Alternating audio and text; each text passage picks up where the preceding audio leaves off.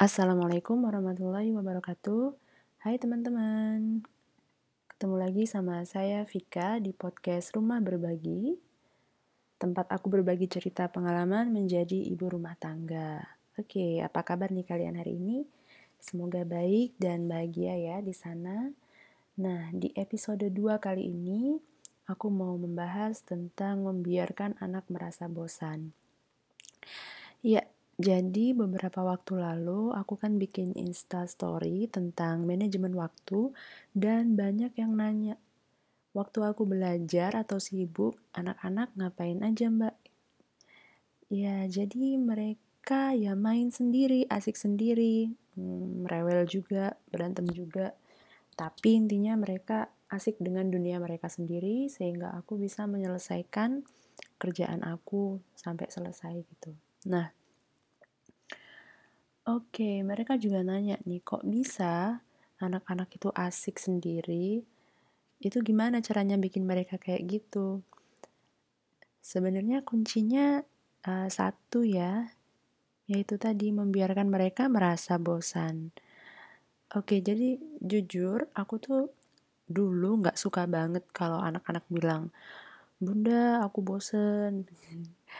Iya, karena menurut aku ini tuh nggak enak banget didengar karena aku ngerasa aku tuh dipanggil untuk melakukan sesuatu di tengah-tengah kesibukanku. Aku sendiri suka heran. Di rumah kan udah ada banyak mainan, ada buku, Lego, macam-macam mainan deh. Tapi kok ya bisa-bisanya mereka bilang bosen. Kayaknya nggak mungkin kan bosen gitu. It's impossible for you to be bored kids. And yet they are. Tetap aja mereka bosen. Dan rasanya udah jadi hal umum di zaman sekarang bahwa orang tua itu bertugas menjauhkan mereka dari rasa bosan. Dan konsekuensinya apa? Orang tua jadi sibuk bermain terus dengan anak, ngurusin anak terus-menerus sampai mereka tuh nggak punya waktu buat diri mereka sendiri. Atau lebih parahnya lagi, mereka mempercayakan anak-anak kepada televisi atau gadget untuk membunuh rasa bosan. Belum lagi tuh kalau harus bepergian sama mereka, biasanya sebelum pergi tuh orang tua heboh memilih tontonan atau game apa yang akan mereka mainkan selama di perjalanan. Ya, dulu kami juga seperti itu. Tapi sekarang udah berubah karena kami sadar bahwa ini bukan cuma soal konten, mereka nonton apa, berapa lama mereka nonton, tapi ini soal bagaimana mereka menghadapi rasa bosan. Dan kami sih sangat memaklumi kalau banyak orang tua yang mempercayakan anak-anak ke TV dan gadget karena memang TV dan gadget itu tools yang sangat nyaman buat bikin mereka anteng dan gak bosen, iya kan? Cuman ya memang kita harus menggunakan itu dengan bijak gitu. Ya jangankan anak-anak, lihat ke diri kita sendiri. Berapa kali sih tangan dan mata ini bolak-balik scrolling timeline Instagram, Facebook, Twitter cuman buat ngecek highlight, opini, status orang, bahkan status-status yang gak jelas hanya karena kita tuh penasaran ada hal baru apa ya. Padahal sih kita tahu apa yang di HP itu sebenarnya nggak penting-penting amat atau malah bener-bener nggak penting. Tapi ya masih kita lakukan, cuman biar nggak bosen. Tapi apakah Demikian cara yang benar. Apakah bosan itu kondisi yang harus dihindari? Ini ada um, pendapat yang sangat menarik dari Tessa Sabelton, seorang boredom expert, ahli rasa bosan. Nah, dia ini berkata seperti ini. No work and no play doesn't make Jack a dull boy. It makes him, uh, sorry, it makes his brain work better nggak kerja dan nggak main itu nggak bikin Jack jadi anak bodoh, malah itu membuat otaknya bekerja dengan lebih baik. Dia juga bilang ada satu penelitian tentang bagaimana aktivitas bebas tak terstruktur akan membuat anak jadi kreatif dan jadi pembelajar mandiri. So, boredom needn't to be feared and it can be seen as an opportunity jadi rasa bosan itu nggak perlu ditakuti, justru itu kesempatan. Kok gitu ya? Kenapa demikian ya? Karena ada beberapa alasan. Satu, karena rasa bosan itu membuat anak bisa lebih mandiri. Ternyata saat anak-anak tidak melakukan apa pun, mereka akan berinisiatif melakukan sesuatu dan nggak ter bergantung sama orang tuanya atau mereka juga nggak akan bergantung pada hal-hal yang sudah siap jadi. Bosan yang mereka rasakan itu akan memunculkan rasa ingin tahu, ketangguhan, playfulness, ketertarikan, dan percaya diri. Hal-hal ini yang akan membuat mereka tumbuh jadi anak yang cerdas dan nggak jadi orang yang membosankan. Artinya, kalau mereka bisa mengatasi rasa bosan, mereka akan punya bekal yang sangat baik untuk kehidupan kehidupan mereka selanjutnya. Seperti itu. Cuman memang di awal-awal mengenalkan rasa bosan itu jangan kaget kalau mereka itu cuman guling-guling di lantai, bengong, ngerengek, diem aja. Karena ini juga yang terjadi sama anak-anak aku. Jadi aku tuh ngeliat mereka ya kayak gitu bengong, diem pas aku lagi masak, belajar atau sibuk dengan hal lain. Tapi lama-lama ada aja yang mereka lakukan. Aku malah kagum ya karena akhirnya mereka bisa memainkan mainan-mainan yang udah rusak, mainan-mainan yang udah nggak pernah disentuh lagi mereka keluarin. Bahkan mereka bikin art and craft tanpa tutorial. Jadi pas aku tanyain, kamu gimana bikin ini? Uh, aku cuma mikir aja, terus aku bisa. ini kan luar biasa ya. Jadi mereka bisa menyulap mainan lama jadi mainan baru dan menciptakan karya-karya baru. Dan itu dilakukan dengan membiarkan mereka menghadapi rasa bosan. Itu yang pertama. Yang kedua, kenapa rasa bosan itu penting? Yang kedua, karena kita nggak bertugas mengusir kebosanan mereka. Jadi, kita itu nggak perlu merasa bersalah hanya karena anak-anak merasa bosan. Memang, anak-anak itu amanah dari Allah tapi kan amanah dari Allah itu menjaga mereka, bukan terus-menerus mengisi setiap waktu mereka. Try not to feel like it's your responsibility to fill every moment of your child's time. Itu kata Belton.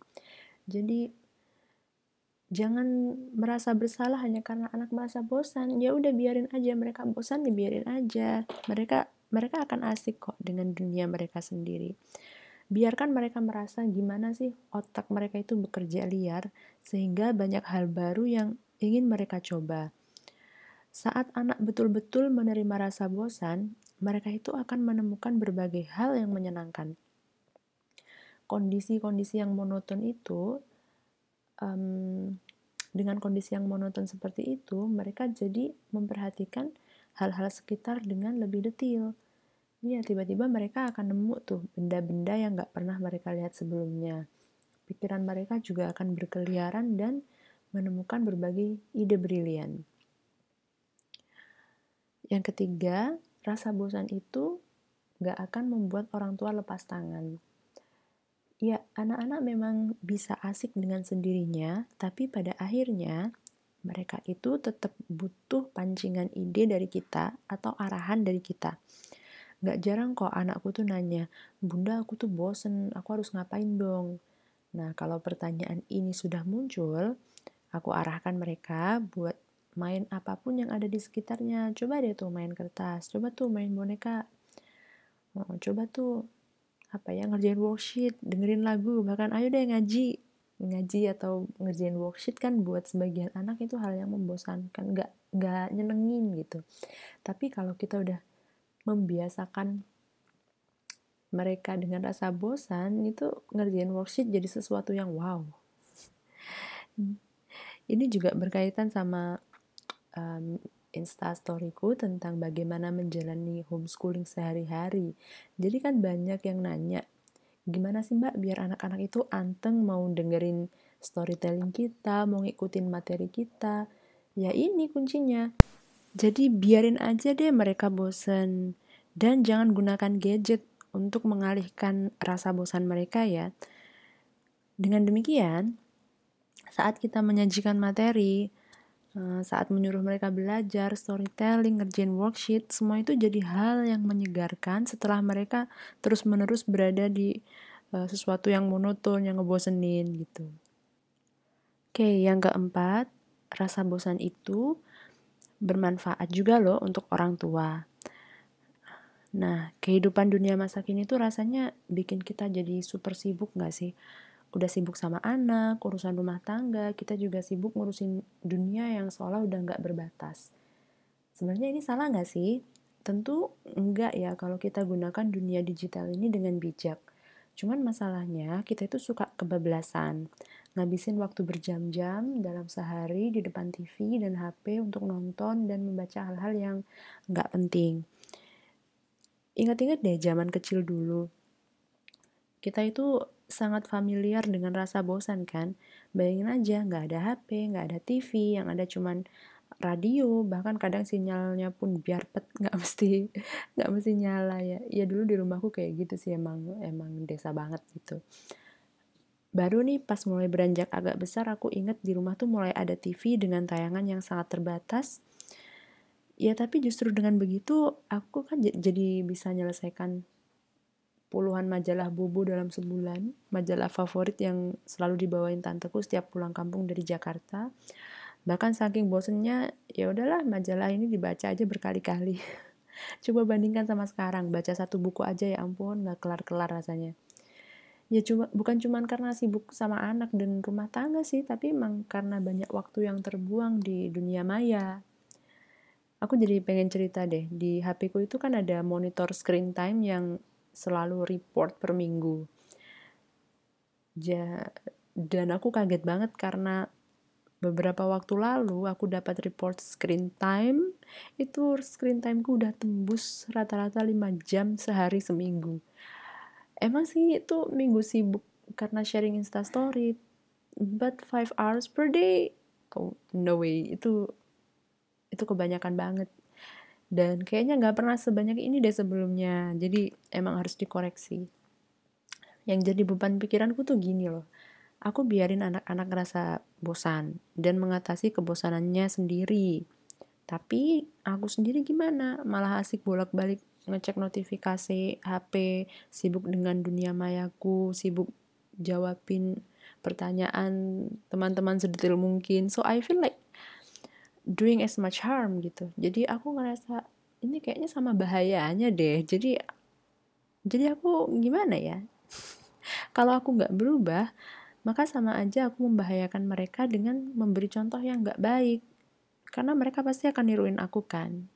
Nah jadi kalau kalian juga ada di kondisi yang sama daripada kita bolak-balik lihat HP kenapa sih kita nggak bilang bunda juga bosen nih yuk. Ngapain aja yuk? Gitu. Oke. Ya itu tadi. Pentingnya membiarkan anak merasa bosan. Gimana? Sudah mulai tercerahkan? Oke. Terima kasih teman-teman sudah menyimak podcast ini. Kalau kalian penasaran dengan referensi-referensinya kalian lebih suka membaca silahkan ke rumahberbagi.com untuk mengakses podcast ini, artikel ini beserta referensi-referensinya dan sekian dari saya. Terima kasih.